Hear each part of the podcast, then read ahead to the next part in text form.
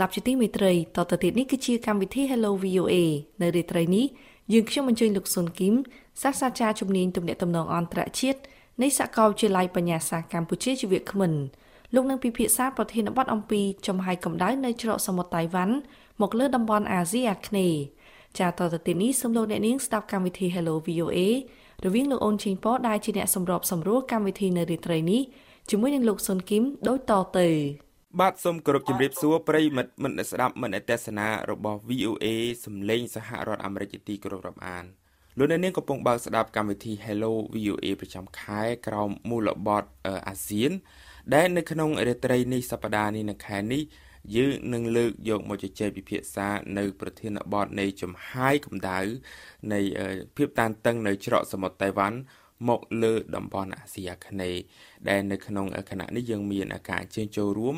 ពីសំណាក់លោកសុនគឹមលោកសុនគឹមជាគ្រូឧទ្ទេសនៅឯសាកលវិទ្យាល័យបញ្ញាសាកម្ពុជាបាទសូមគោរពជំរាបសួរលោកសុនគឹមបាទបាទសូមគោរពជំរាបសួរពេលសេងចេញបោះបាទដោយដែលលោកវិក្មិននិងប្រិយមិត្តអ្នកស្ដាប់បានជ្រាបស្រាប់មកហើយតាំងពីដើមខែ8បានន័យថា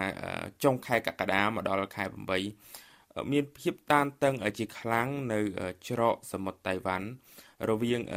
តៃវ៉ាន់រដ្ឋាភិបាលក្រុងតៃប៉េជាមួយរដ្ឋាភិបាលក្រុងប៉េកាំងតកតងនៅដំណើរទស្សនកិច្ចរបស់អ្នកស្រី Nancy Pelosi ដែលជាប្រធានសភាតំណាងរាស្ត្ររបស់សហរដ្ឋអាមេរិកដឹកនាំគណៈប្រតិភូជាន់ខ្ពស់របស់សភាអាមេរិកចូលទៅទីក្រុងតៃប៉េដែលបានបង្កនៅការខឹងសម្បាជាខ្លាំង ពីសំណាក់រដ្ឋាភិបាលនៃគណៈបកកុម្មុយនីសចិននៅទីក្រុងប៉េកាំងក្រោយពីដំណើរទស្សនកិច្ចរបស់អ្នកស្រី Pelosi មានការធ្វើសមយុទ្ធសមយុទ្ធនឹងបានន័យថាការបាញ់គ្រាប់មីស៊ីលនិងការរៀបចំគម្រោងតាមរយៈអ្វីដែលក្រុងប៉េកាំងលើកឡើងថាជាការសមយុទ្ធនឹងការរៀបគម្រោងពាត់ក្រុងឬក៏កោះតៃវ៉ាន់នឹងធ្វើយ៉ាងម៉េចកុំឲ្យពេលដែលមានសង្គ្រាមអីហ្នឹង ក្រមសម្ព័ន្ធមិត្តសម្ព័ន្ធមិត្តលោកខាងលិច មានជាអាចសហរដ្ឋអាមេរិកជប៉ុនអូស្ត្រាលីហ្នឹងអាចគុតគង់ឬចូលទៅជួយតៃវ៉ាន់ដោយករណីដែលលោកខាងលិចកំពុងតែជួយអ៊ុយក្រែនវាតទល់នឹងការប្រយុទ្ធរបស់ប្រទេសរុស្ស៊ីក្នុងគណៈនេះដំបងដៃចង់ជំរាបសួរលោកវិក្មិនថាតើសម្រាប់ការយល់ឃើញរបស់លោកវិក្មិនលោកស៊ុនគីមលោក គិតថាភាពតានតឹងនៅច្រកសមុទ្រតៃវ៉ាន់ហ្នឹងមកដល់នាទីនេះដែលយើងជជែកគ្នាហ្នឹងគ្រោះថ្នាក់កម្រិតណាដែរលោកអាចផ្ដល់ជាការអង្កេតខ្លីដំបូងដៃបន្តិចបានទេបាទអឺខ្ញុំគិតថាប្រហែលជាខ្ទង់70%ព្រោះអីបើយើងមើលនៅក្នុងឆ្នាំ2022នេះអឺពិភពលោកដែលកំពុងតែគេហៅថាឈ្មោះថាមានការព្រួយបារម្ភខ្លាំងគឺចំណុច2ដែលសំខាន់ចាប់សំទោសចំណុច3ដែលសំខាន់ចំណុចទី1គឺយើងបានឃើញស្រាប់ហើយគឺការដែល រុស្ស៊ីបានឈ្លានពានទៅកាន់អ៊ុយក្រែនហើយចំណុចទី2ខ្ញុំមើលឃើញគឺតកតងជាមួយនឹងព្រំដែនរវាងចិនហើយនិងឥណ្ឌាហើយចំណុចទី3គឺរឿងតៃវ៉ាន់អញ្ចឹងក្នុងនេះគឺខ្ញុំអាចរេតថាតៃវ៉ាន់ខ្ញុំខ្ញុំអាចគិតថាវាប្រហែលជា70ទៅ75%ដែលអាចនឹងមានហានិភ័យខ្ពស់មានការជជែកគ្នាច្រើនអ្នកស្រី Pelosi ដែលបានទៅដល់ទីក្រុងតៃប៉េខ្លួនឯងហ្នឹង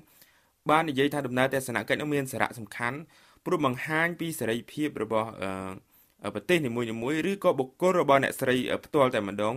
ក្នុងការធ្វើដំណើរទស្សនកិច្ចឬទស្សនាទៅប្រទេសណាក៏បាន ហើយក៏ជា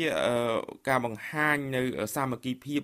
ដល់ក្នុងអ្វីដែលអ្នកស្រីលើកឡើងថាសាមគ្គីភាពជាមួយនឹងប្រទេសប្រជាធិបតេយ្យមួយមិនដល់ថាប្រទេសទេប៉ុន្តែក្នុងភាសាអង់គ្លេសយើងហៅថា one democracy like តៃវ៉ាន់ហ្នឹងគឺដូចជាជារបបប្រជាធិបតេយ្យមួយដូចនៅកោះតៃវ៉ាន់ហ្នឹង តែសម្រាប់លោកស៊ុនគីមផ្ទាល់យល់ថាដំណើរទស្សនកិច្ចហ្នឹងចំណេញឬខាតសម្រាប់ទាំងតៃវ៉ាន់ទាំងសហរដ្ឋអាមេរិកនៅពេលដែលឥឡូវនេះចិនបានបំបែកនៅអ្វីដែលធ្លាប់មានពីមុនមកហើយបានន័យថាបានធ្វើសម្ពយុទ្ធពាត់កោះហ្នឹងស្តៀងគ្នាដូចជាការធ្វើសម្ពយុទ្ធពាត់កោះតៃវ៉ាន់ហ្នឹងដូចនៅឆ្នាំ1996ផងដែរឥឡូវនេះដំណើរទស្សនកិច្ចនេះខាតឬចំណេញមកដល់ចំណុចនេះបាទអឺមុនពេលខ្ញុំនិយាយថាវាខាតឬចំណេញខ្ញុំចង់និយាយបន្តិចថារឿង ប្រព័ន្ធគេហៅឈ្មោះថានយោបាយឬក៏ប្រព័ន្ធរដ្ឋាភិបាលនៅប្រទេសអាមេរិកហ្នឹងវារៀងវារៀងកៅទៅឈ្មោះថាវាវាវាដាច់វាឡែកពីគ្នាមានន័យថា White House គឺរដ្ឋាភិបាល Joe Biden ហ្នឹងគាត់អត់មានឥទ្ធិពលអីទៅលើ Congress ហើយ Congress ជាទូទៅក៏គាត់បានន័យថាគាត់ independent អញ្ចឹងបើសិនបើសិនជាយើងនិយាយឲ្យខ្លីទៅអាតំណាក់សំដៅការទស្សនកិច្ចរបស់អ្នកស្រី Nancy Pelosi ហ្នឹង បើយើងមើលខ្លីទៅវាអាចថាជាការសម្រេចចិត្តផ្ទាល់ខ្លួនរបស់គាត់ជាច្រើនជាជាងអឺការសម្រេចចិត្តរបស់រដ្ឋាភិបាល Joe Biden ទៅមូលណាអាហ្នឹងយើងមើល both side គាត់គាត់មានសិទ្ធិសេរីភាពក្នុងការសម្រេចរបស់ខ្លួនគាត់ប៉ុន្តែអានេះវាជាសិទ្ធិរបស់គាត់ individual ដែល represent ទៅលើអា Congress ហ្នឹងអា Senate ហ្នឹងប៉ុន្តែបើយើងមើលនៅក្នុងឬគល់វាវិញដោយសារ Nancy policy ហ្នឹងគាត់មកពីគណៈបកប្រជាធិបតេយ្យដែរអញ្ចឹងវាអាចថាវាអាចថាវាត្រូវត្រូវផ្លែត្រូវដងគ្នាអញ្ចឹងណាអាហ្នឹងគឺគឺយើងនិយាយអញ្ចឹងអញ្ចឹងវាអាចថាជាជាយុទ្ធសាស្ត្រមួយដែល Joe Biden គាត់ធ្វើដើម្បីស្រកបានន័យថាគាត់ support ជាមួយនឹងអ្វីដែល Nancy Pelosi គាត់ធ្វើដើម្បីអីបង្ហាញដល់ពិភពលោកឲ្យឃើញថាអាមេរិកពិតជាត្រឡប់ទៅរកភាពដែលបង្កើនឬក៏ promote នៅ democracy អញ្ចឹងនិយាយរឿងចំណេញអាមេរិកអត់អឺរឿងចំណេញវាមានវាមានករណីពីរទីមួយបើយើងមើលពិភពលោកទាំងមូលសិនណាណាព្រោះអាមេរិកកាលនៅជាមួយនឹង Trump ហ្នឹងគាត់បាត់បង់អាទំនុកចិត្តច្រើនហើយជាពិសេសគឺប្រទេសប្រជាធិបតេយ្យដែលជាដៃគូហ្នឹង អញ្ចឹងពេលដែលអូជូ Biden មុនពេលដែលគាត់ជាប់ឆ្នោតក៏បានសន្យាដើម្បីប្រម៉ូទអា democracy នឹងឡើងវិញហើយគាត់បានពេលដែលគាត់ជាប់ឆ្នោតក៏បានមានការមានកិច្ចប្រជុំទាក់ទងជាមួយនឹងប្រមូលប្រទេសប្រជាធិបតេយ្យទាំងអស់មកអញ្ចឹងការដែលគាត់បានន័យថាលូកដៃជ្រៅនៅក្នុងរឿងតៃវ៉ាន់នេះរឿងមួយក្នុងចំណោមហ្នឹងគឺគាត់ការពារប្រជាធិបតេយ្យអញ្ចឹងការដែលគាត់ការដែល Nancy policy គាត់មកហ្នឹងបើយើងមើលជាទូទៅសម្រាប់ប្រទេសនៅលើពិភពលោកទាំងមូល ដែលវាដាក់ជាដៃគូរបស់អាមេរិកគឺមានន័យថាវាមានអាមេរិកមានភាពចំណេញផ្នែកនយោបាយដោយសារជាអាចខាតជាការលើកទំនុកចិត្តឡើងវិញណាប៉ុន្តែបើយើងនិយាយពីអាមេរិកជាមួយចិនហ្មងគឺអត់បានទេបានន័យថាវាធ្វើឲ្យទំនាក់ទំនងកាន់តែក្តៅក្រហាយកាន់តែខ្លាំងហើយបើយើងនិយាយរឿងជាមួយតៃវ៉ាន់វិញតៃវ៉ាន់មានរឿងពីររឿងទី1បើសិនជាតៃវ៉ាន់បើយើងនិយាយពីទំនាក់ទំនងតៃវ៉ាន់មកអាមេរិកវិញវាដូចជាធ្វើឲ្យតៃវ៉ាន់នឹងបានមានទំនុកចិត្តខ្ពស់គាត់ថាអាមេរិក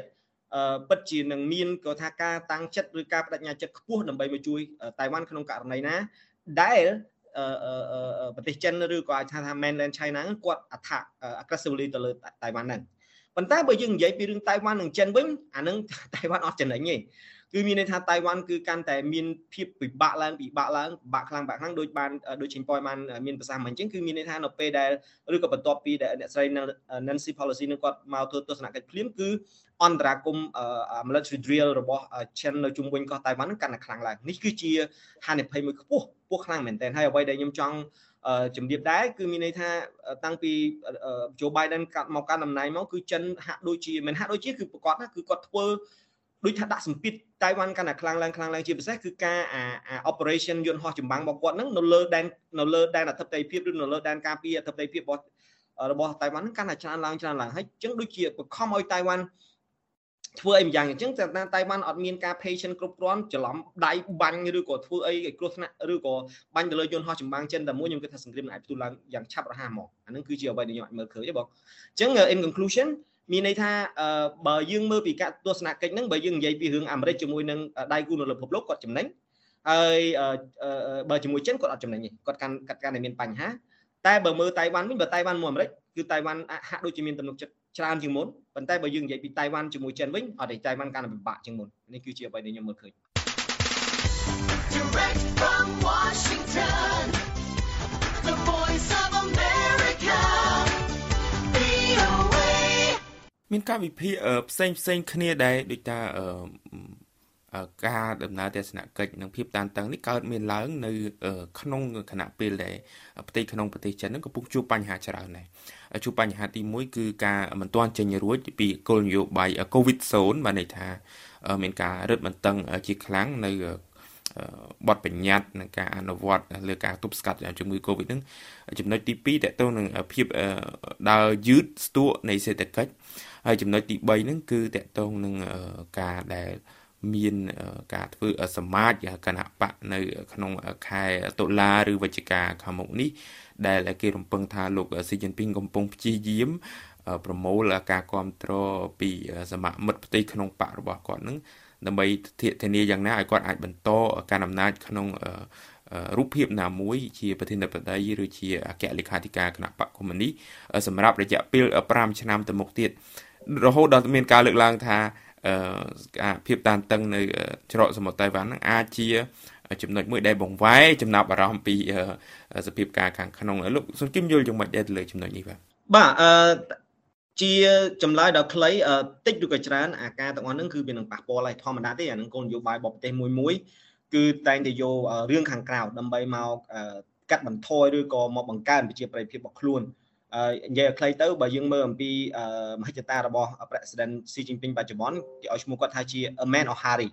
ចឹងតាមពិតទៅក្នុងក្នុងគោលដៅរបស់គាត់នឹងគាត់ចង់ប្រើពេលតែរយៈពេល60ឆ្នាំឯងគាត់នឹងធ្វើឲ្យចិនឲ្យខ្លាយទៅជា advanced country នៅលើពិភពលោកចឹងបើយើងមើលអំពីអឺ background បន្តិចថាតើតែគាត់នឹងចង់បានតៃវ៉ាន់មកនៅពេលណាអញ្ចឹងលើកដំបូងក៏ដាក់ក៏ដាក់ពេលវេលារបស់គាត់គឺឆ្នាំ2027គឺត្រូវតាគឺគាត់ត្រូវតាបានតៃវ៉ាន់មកវិញហ្នឹង ទោះបីធ្វើដោយវិទ្យុបាយណាក៏ដោយប៉ុន្តែនៅពេលដែលយើងឃើញអំពីករណីដែលរុស្ស៊ីគាត់បានធ្វើការឈ្លានពានទៅអ៊ុយក្រែនមកហើយមានប្រតិកម្មជាច្រើនដែលកើតឡើងមកវាហាក់ដូចជារយៈពេលនេះវាមានការបន្ថយអញ្ចឹងគាត់បានបំភ្លេចនៅអ្វីដែលថាឆ្នាំ2027ដែលជា deadline គាត់ពជាពេលទៀតប៉ុន្តែអាការពជាពេលរបស់គាត់ប្រហែលជាអាចទៅ2040ឬ2049 ដែលជាឆ្នាំគម្រប់ខួប100 100ឆ្នាំនៃការបង្កើតរដ្ឋាភិបាលបកគុំនេះរបស់គាត់អសំដៅរដ្ឋាភិបាល People Republic of China របស់គាត់ណានេះហើយគឺជាអ្វីអញ្ចឹងសម្រាប់ខ្ញុំខ្ញុំយល់ព្រមនឹងនឹងអ្នកវិភាគដទៃទៀតដែរគឺការទាំងអស់នេះវាជាផ្នែកមួយដែលធ្វើឲ្យ អឺលោកស៊ីជីងពីងក្តីអាចនឹងមានឱកាសចំណេញនៅនយោបាយដើម្បីឲ្យសមាជិកបកដតីជាពិសេសគឺ Central Bureau របស់ Chinese Communist Party នឹងគាត់អាច support គាត់បន្ថែមទៀតហើយអ្វីដែលសំខាន់ដែរមកដល់ពេលនេះគាត់ចាប់ដើមបង្ហាញដល់បកគុំនេះទាំងមូលក៏ដូចជារដ្ឋាភិបាលឬក៏ប្រជាជនចិនទាំងមូលឲ្យដឹងថាមានតែគាត់មួយទេដែលជាអ្នកដែលមានសក្តានុពលគ្រប់គ្រាន់ល្មមដើម្បីដឹកនាំប្រទេសចិន នឹងនឹងនឹងរួបរวมជាមួយតៃវ៉ាន់បានហើយនឹងអាចជាជាប្រទេសមួយដែលអាចនាំចិនឲ្យឆ្លងផុតនៅអ្វីដែលគេឲ្យឈ្មោះថាភាពក្រីក្រឲ្យទៅជាប្រទេសដែលអ្នកមានឲ្យឲ្យ reach ទៅលើ China Dream ហើយអ្វីដែលសំខាន់គឺទោះបីក្នុងមធ្យោបាយណាក៏ដោយចិនមិនដែលនឹងខ្លោបខ្លាចឬក៏តូទុនជាមួយនឹង United States ឬក៏ដូចជាជប៉ុនដែលជាដែលយើងឃើញថាជាសត្រូវមិនមែនជាសត្រូវខ្ញុំគិតថាជាជាគូប្រជែងដ៏ដ៏ដ៏ដ៏ដ៏ក្តៅកគុក របស់ចិននេះគឺជាចម្លើយរបស់ខ្ញុំបាទអរគុណច្រើនលោកសុនគីមនៅក្នុងការជជែកអំពីទំនាក់ទំនងអន្តរជាតិនៅក្នុងតំបន់អាស៊ីអាគ្នេយ៍តកតងនឹងតំបន់ Indo-Pacific អីជាដើមហ្នឹងគេតែងតែលើកឡើងថាចិនប្រជាមានិតហ្នឹងជាជាបង្អែកផ្នែកសេដ្ឋកិច្ចជាបង្អែកផ្នែកវិបុលភាពដែលអាស៊ីអាគ្នេយ៍ប្រទេសនៅអាស៊ីអាគ្នេយ៍ស្វះស្វែងរកមានជាប្រភពទុនវិនិយោគមានជាភ្ញៀវទេសចរមានជា ការធ្វើចំនួនជាទ្វេភាគីឬពហុភាគីជាដើមហើយមានសហរដ្ឋអាមេរិកនេះជាបង្អែកផ្នែកសន្តិសុខក្នុងករណីដែលមានភាពតានតឹងនៅច្រកសមុទ្រតៃវ៉ាន់រវាងមហាអំណាចទាំងពីរអឺជុំវិញ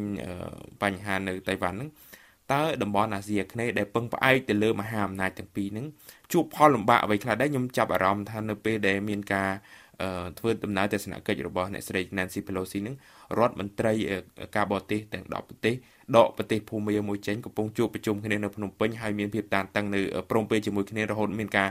ចេញសេចក្តីថ្លែងការណ៍តើអាស៊ីគ្នានឹងគាត់គាត់ពិបាកយ៉ាងម៉េចទៅនៅពេលដែល បង្អែកគាត់ទាំងពីរនឹងមានការមិនត្រូវគ្នាដល់ភាពតានតឹងដល់ខ្ពស់បែបនេះបាទអឺឈិញប៉និយាយត្រូវហើយនិយាយឲ្យខ្លីមកទៅអាស៊ានបើខ្ញុំចង់ចង់ជម្រាបឈិញប៉អាស៊ានអត់មានអធិបុលឬអំណាចកន្លែងណាមួយដែលអាចកោឈ្មោះថាអឺបង្ខំចិនឬក៏អាមេរិកឲ្យមកស្ដាប់អាស៊ានបានទេ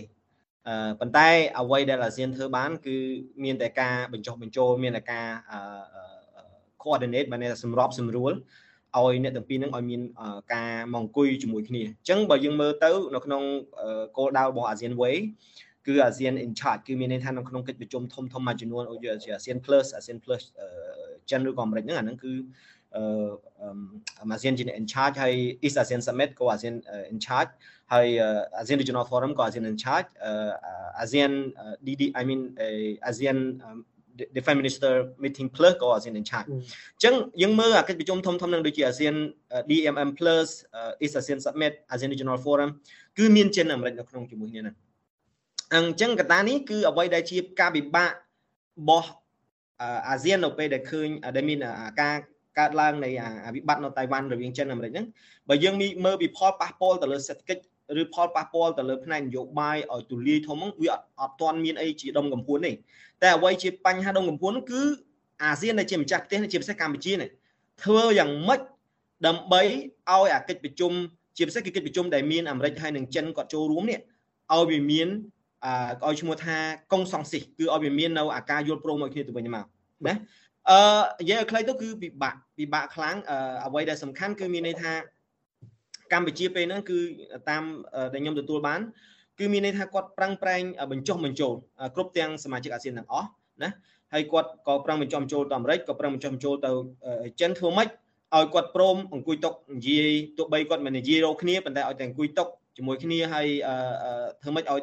ឲ្យកិច្ចប្រជុំនឹងវាទៅរលូនអញ្ចឹងនិយាយឲ្យខ្លីមកទៅផលប៉ះពាល់នៅពេលនេះគឺជាផលប៉ះពាល់មួយដែលតាក់ទងជាមួយនឹងរឿងការសម្របសម្រួល ការចរចាធ្វើម៉េចដើម្បីឲ្យចិនហើយនិងអាមេរិកហ្នឹងគាត់អាចនឹងអង្គុយតុជាមួយគ្នាបានប៉ុន្តែឲ្យវាប៉ះពាល់ទៅលើផ្នែកសេដ្ឋកិច្ចប៉ះពាល់ទៅលើផ្នែក security នៅពេលនេះវាអត់ប៉ះពាល់ទេពីសារអីអឺដោយសារតែចិនហើយនិងអាស៊ាននៅតែបន្តធ្វើការជាមួយគ្នាបានហើយចិននៅសំទោសអាមេរិកជាមួយនឹងអាស៊ានក៏នៅធ្វើធ្វើការបន្តជាមួយគ្នាបានអឺអា division បានន័យថាភាពភាពបែងចែកគ្នារវាង ប្រទេសក្នុងតំបន់អាស៊ានរឿងតៃវ៉ាន់ហ្នឹងខ្ញុំសម្រាប់ខ្ញុំខ្ញុំមើលអត់ទាន់ឃើញទេអត់ទាន់ឃើញថាអូរឿង case តៃវ៉ាន់ប្រទេសមួយចំនួនទៅ support ចិនឬក៏ប្រទេសមួយចំនួន support អត់ខ្ញុំអត់ទាន់ឃើញអញ្ចឹងទេខ្ញុំមើលឃើញថាអាស៊ានប្រឹងទៅជាមួយគ្នាយើងបានឃើញកិច្ចប្រជុំរដ្ឋមន្ត្រីការបរទេសកន្លងមកយើងឃើញប្រទេសទាំងទាំង10ទាំង9ខ្ញុំនិយាយខ្ញុំមិននិយាយ10ទេព្រោះមានមកគាត់បានចូលរួមគាត់បានប្រងព្រៀងគ្នាណារវាងកិច្ចប្រងកិច្ច ឬក៏បញ្ហានៅលើតៃវ៉ាន់ហ្នឹងហ្នឹងជាចំណុចមួយពិសេសហើយបើសិនជាអាហ្នឹងបើថាបើសិនជាចិនហើយនៅអាមេរិកវាធ្លាក់នៅក្នុងសង្គ្រាមរវាងគ្នានឹងគ្នាមែននៅលើកោះតៃវ៉ាន់អាហ្នឹងវាពិតជាផ្ដល់ផលប៉ះពាល់សម្រាប់អាស៊ានដែរប៉ុន្តែនៅក្នុងពេលបច្ចុប្បន្ននេះគ្រាន់តែរឿង case តៃវ៉ាន់បច្ចុប្បន្ននេះគឺបញ្ហាសេដ្ឋកិច្ចបញ្ហានយោបាយដែលជាពិសេសគឺបញ្ហាសេដ្ឋកិច្ចគឺអត់មានអីទាន់ជាលក្ខណៈផលប៉ះពាល់ទេគឺតំណាក់តំណងរវាងចិននិងអាស៊ាននៅតែបន្តដដែលគឺចិននៅតែជាប្រទេសនាំមុខគេក្នុងផ្នែកសេដ្ឋកិច្ចតំណាក់តំណងមួយអាស៊ានបន្តហើយអាមេរិកក៏នៅតែបន្តបង្កើនសេដ្ឋកិច្ចជាមួយនឹងអាស៊ានដែរអញ្ចឹងជាសពសេចក្តីមកខ្ញុំសូមនិយាយថាបញ្ហាតៃវ៉ាន់បច្ចុប្បន្នបញ្ហាពិបាកគឺពិបាកតាមប្រទេសម្ចាស់ផ្ទះទេដែលគាត់ជាអ្នកត្រូវសម្របសម្រួលធ្វើម៉េចឲ្យវាចេញកិច្ចព្រមព្រៀង Joint Community Gaining រួមគ្នាមួយកុំឲ្យមានបញ្ហាអឺ division អត់ទាន់មានឃើញទេនៅក្នុងអាស៊ានអឺ ហើយបញ្ហាសេដ្ឋកិច្ចឲ្យផលប៉ះពាល់ក៏អត់ទាន់មានដែរនេះហើយគឺជាអ្វីដែលខ្ញុំអាចមើលឃើញបាទអរគុណច្រើនលោកសុនគីមក្នុងកិច្ចប្រជុំតកតងនឹងកិច្ចប្រជុំការបរទេសអាស៊ានដែលកើតព្រមព្រៀងជាមួយគ្នានឹងដំណើរទស្សនកិច្ចរបស់អ្នកស្រី Nancy Pelosi ទៅកាន់កោះតៃវ៉ាន់ហ្នឹងគេឃើញមានសេចក្តីថ្លែងការណ៍របស់ក្រមរដ្ឋមន្ត្រីការបរទេសអាស៊ានដែរហើយក្នុងនោះចាប់អារម្មណ៍គឺ មានការលើកឡើងអំពីគោលការណ៍ចិនតែមួយរបស់ប្រទេសសមាជិកនីមួយៗចង់ដឹងថាតើកន្លងមកនឹងរដ្ឋអាស៊ាននីមួយៗគាត់មានទស្សនៈទាននឹងការអនុវត្តខុសខុសគ្នាឬដូចដូចគ្នាយ៉ាងម៉េចដែរទៅលើគោលការណ៍ចិនតែមួយនោះព្រោះបើយើងលើកឡើងតែពាក្យថាគោលការណ៍ចិនតែមួយហ្នឹងវាអាចទលាយដែរតើប្រទេសនីមួយៗហ្នឹងអាចឆ្លៀតនៅក្នុងអាភិបទលាយហ្នឹងអាចបត់បែនតាមសភាពការប្រទេសគាត់ក្នុងការអនុវត្តគោលការណ៍ហ្នឹងយ៉ាងម៉េចដែរដូចថាប្រទេសខ្លះមានការិយាល័យតំណាងរបស់តៃវ៉ាន់នៅក្នុងទីក្រុងរបស់ខ្លួនមិនមែនជាស្ថានទូតទេប៉ុន្តែបើជាទូនាទីដើរទូនាទីចាស់ស្ដែងវាទៅជាស្ថានទូតទៅហើយតើមានការខុសគ្នានឹងដូចគ្នាយ៉ាងម៉េចដែរតែលើគោលការណ៍ចិនតែមួយតាមបណ្ដារដ្ឋនៃសមាជិកអាស៊ានហ្នឹងបាទបាទអាជាទូទៅបើយើងនិយាយនៅក្នុងន័យនយោបាយបានន័យថានយោបាយវាមានភាពបត់បែនអញ្ចឹងនៅក្នុងប្រទេសអាស៊ានអ្វីដែលសំខាន់គឺប្រយោជន៍នយោបាយជាប្រយោជន៍តំបន់និងប្រយោជន៍ប្រទេសនីមួយៗអាហ្នឹងវាមានដូចជាប្រទេសដទៃៗទៀតដែរនៅលើលោកហ្នឹងអញ្ចឹងនៅក្នុងអាស៊ានទាំង10គឺគាត់គ្រប់គោលការណ៍នឹងដូចគ្នាបានន័យថាចិនតែមួយប៉ុន្តែនៅក្នុងការអនុវត្តអឺគឺវាត្រូវតែមាននៅនៅភាពបត់បែនហើយឧទាហរណ៍ដូចជារឿងអឺស្អីគេ វៀតណាមហើយនិងហ្វីលីពីនគាត់មិនសូវសប្បាយចិត្តជាមួយចិនទេរឿង South China Sea ឧទាហរណ៍អញ្ចឹងអញ្ចឹងវាជាចំណុចមួយដែលគាត់ត្រូវតាអាចធ្វើអ្វីបានជាមួយនឹងតៃវ៉ាន់ដើម្បីអីបង្កើនទាំងផ្នែកសេដ្ឋកិច្ចឬបង្កើនការសហការផ្សេងផ្សេងជាពិសេសគឺរឿង healthcare រឿង education រឿង technology អាហ្នឹងគាត់គាត់មានជាទូទៅ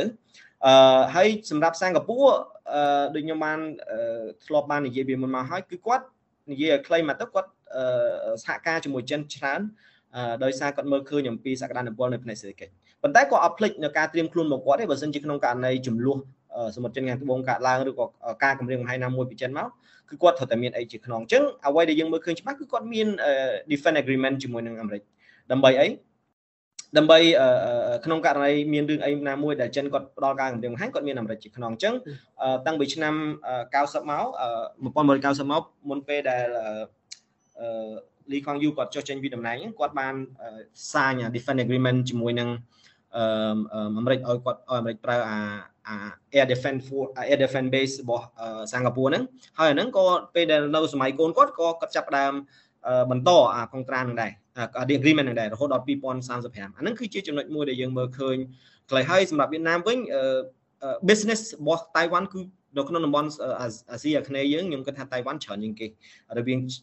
សំទោសវៀតណាមហើយតៃវ៉ាន់សំទោសនៅក្នុងប្រទេសវៀតណាមគឺមាន investment របស់តៃវ៉ាន់ច្រើនអាហ្នឹងគឺជាអ្វីដែលខ្ញុំមើលមើលឃើញណាហើយអញ្ចឹង